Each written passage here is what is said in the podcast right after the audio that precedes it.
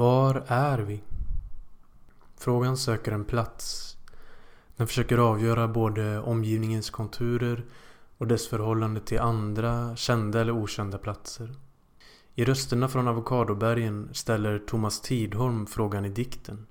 Han skriver in den som en central problempunkt i sin poesi. Där tycks Var är vi?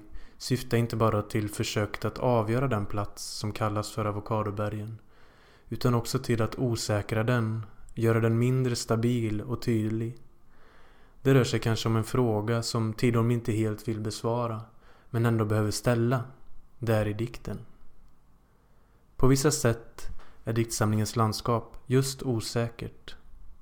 Vad det innebär att vara där och vad där är är svårgripbart och gåtfullt. Samtidigt är det i ett annat avseende ganska konkret. Uppmärksamheten inför själva texten och boken som en slags plats att vistas i är tydlig i Tidholms författarskap. Till denna samling har han själv tecknat bilden på omslaget. Betonghus på kullar, högt vildvuxet gräs och en stor slöja av sol över dem. Samt de små vinjetterna mellan bokens olika delar. Och ombesörjer därmed en betydelsefull aspekt av textens materialitet. Boken är annars stor och rejäl, något att hålla i. Och dikterna får ta plats och breda ut sig. Både samlingen i sig och den fiktiva orten Avokadobergen får sin form och struktur genom en mängd olika röster och vittnesmål. Dikterna är framlagda under körrubriker. Rösterna, som består av diverse invånare på platsen och deras historier. Vaktkåren, en grupp som i all väsentlighet spelat ut sin roll som övervakare och istället fått en säregen terapeutisk funktion. Invektor, ett kvarblivet tidigare högteknologiskt företag där arbetsuppgifterna är mycket oklara. På detta vis träder avokadobergens nu och då fram, stilla och försiktigt, i åminnelser om förändring och framförda brottstycken ur vardagen. De många rösterna vittnar om en kris, en kedja av händelser i ett före som aldrig blir helt tydligt. Avokadobergen är en gammal storstadsförort vars isolation nu är uppvriden. En mycket ensam plats. Den är betonghusen, det höga gräset, den moddiga ån, den närliggande skogen och förstås avokadobergens invånare. Thomas Tidholms produktion är diger och bred. Han är en mångkonstnär som sedan debuten med Försök att se 1966 har skrivit en uppsjö diktsamlingar, pjäser och barnböcker. Översatt Douglas Adams Liftarens guide till galaxen, regisserat kortfilmer samt medverkat i olika band och musikprojekt. I Rösterna från Avokadobergen är det existentiella ärendet fortsatt tydligt. Ett ihärdigt försök att skriva det mänskliga utan cynism. Likaså arbetet med föreställda landskap. En utforskning av lokalitet i skrivandet som återfinns i flera av Tidholms diktsamlingar och pjäser och i synnerhet i hans och hustruns Anna-Klara Tidholms fantasifulla barnböcker. Till exempel Lanas land från 1996. Frågan Var är vi och dess osäkerhet kan sägas vara med i spelet ofta nog i såväl skrivande som läsning. Men den står i relation till Tidholms omsorg om den plats som är texten och boken, den nyss nämnda materialiteten. Det finns ett påtagligt och grundat här att stötta sig mot i mötet med de ofta instabila, fiktiva platserna. Dessa imaginära land, områden och orter är svåra att få grepp om i deras mångtydiga troper. De kan ha drömska, satiriska och allegoriska drag men undflyr allra oftast bestämning. Som läsare vet jag både vart jag befinner mig samtidigt som jag också är bortkollrad. Utkastad i ett okänt område som på samma gång kan rymma platser, andra och mig själv. Avokadobergen är en sådan mångtydig plats. Det apokalyptiska draget är nedtonat. Men dikterna darrar av en ödslighet som inte bara är rumslig utan också tidslig. Där rösterna och läsaren möts i tidens ände. Tidholm hamnar därmed nära den dystopiska och postapokalyptiska litteraturens slitna efter krisen-narrativ. Men bryter också med det på viktiga sätt. Tonen är mild och lugn. Ödet är inte slutet utan öppnar sig mot en fortlevnad. Mycket här är avhängigt Tidoms typiskt finurliga talspråkighet som både förstärks och kompliceras av ivrig versbindning. Avokadobergen blir de många människornas landskap. Deras försök att leva ett liv definierar platsen. Inom det tematiska anslaget fungerar sävligheten effektivt. Den är sällan entydig utan balanserar ofta på knivsäggen mellan tragedi och komedi, mellan vansinne och vishet, sorg och hopp. Knivbladet vänds kvickt. Detta är en stor behållning med samlingen. Det är härligt att komma på sig själv med att dra på munnen, lätt hänförd över vändningarna. Tidholms säkra balans mellan det igenkännbara och empatiska och det absurda eller frånstötande. Detta sker särskilt i vaktkårens formella observationer och mottaganden av vittnesmål.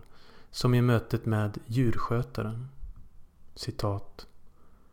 För vilken gång i ordningen utkallade till en plats två kilometer från centrum.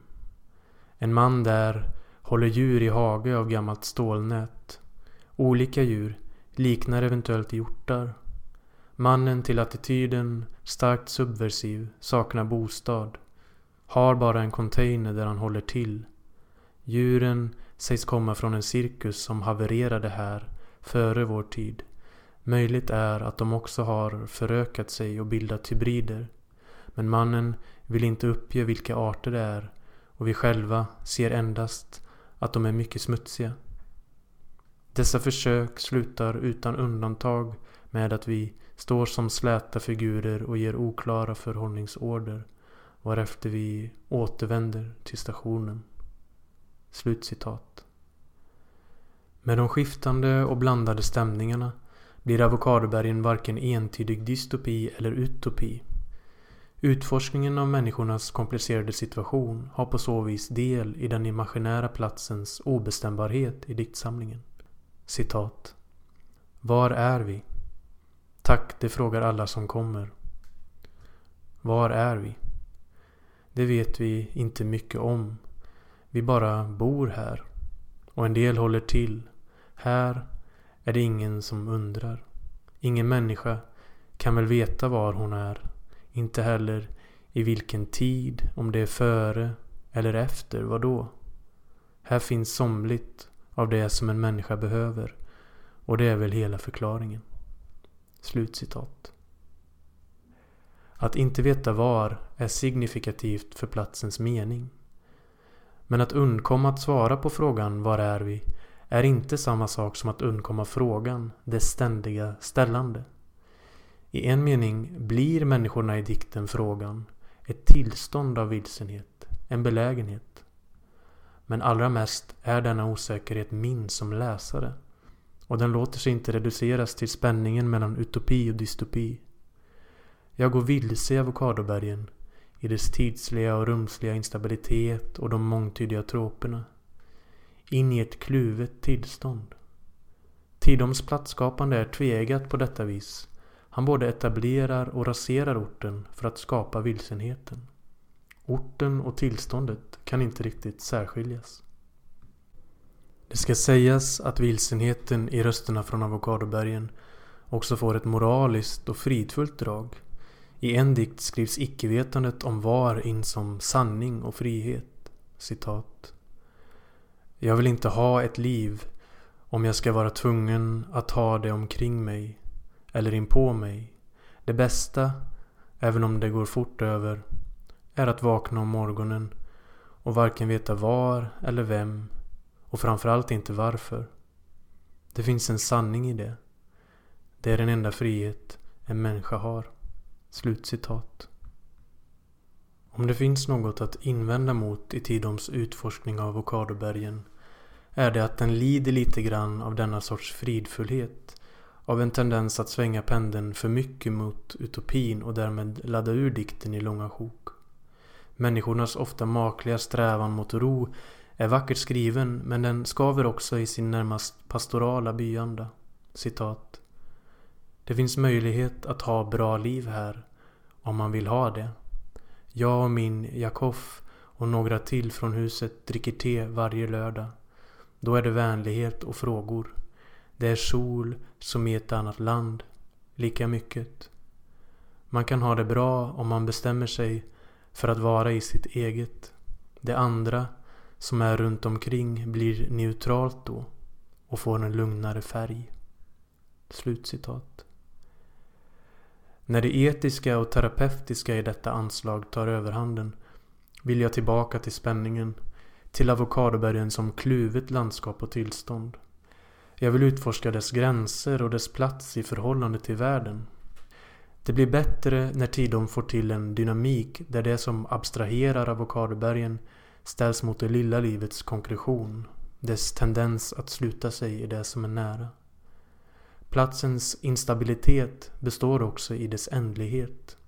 Horisonten, eller gränsen, närvarar här som en viktig figur. Det förment stängda eller förnöjda i det etiska och terapeutiska valet att förlika sig med platsen bryts mot sökarens färd mot kanterna. Blickandet eller känslan som rör sig bortåt mot det skilda och frånvarande. Citat. Horisonten är ett streck. Vi går åt det hållet ibland. Men vet att det inte är något håll. Bara en kant. Hur kan det finnas en kant? Hur kan ett streck skymma allt? Horisonten rör sig. Den förvildas. Den skrynklas vissa dagar om vinden är stark. Slutcitat. Det är just när platsen öppnas, när ett utanför och ett våld skymtar, som frågan Var är vi? får sin starkaste laddning i Tidoms poesi. De få som går i utkanten av avokadobergen anar förödelsen. De hittar, citat, en som låg och var död framstupa, slutcitat, och går därefter en omväg. Vilsegångna och sörjande gestalter, människor på flykt, passerar gåtfulla. Ensamheten och vilsenheten i avokadobergen förstärks genom gränsens laddning, skillnaden mellan här och där. En diktens och platsens isolering som de avskilda liven i betonghusen. Citat. Jag bor i radhus, bredvid det som brann. Jobbet har jag på en vektor. Det är nära om man genar. Jag har älskat en kvinna. Hon bodde granne hon bodde i huset som brann. På kvällen ringde hon och sa Jag tror det brinner. För jag känner rök. Det är väl inte hos dig? Hon skrattade när hon sa det. Jag trodde hon menade något annat. Men det var sent. Jag var inte upplagd. Jag var trött. Jag sov sen medan hennes hus brann. Det var brandväggar emellan. På andra sidan var allt borta nästa dag. Jag klädde mig. Jag gick genom bråten, genom hopen, förbi det svarta. Jag gick till en vektor. Men jag kom inte fram. Jag gick tillbaka och stod där med de andra. De visste inte att jag älskade henne. De visste ingenting av allt som hänt mellan oss.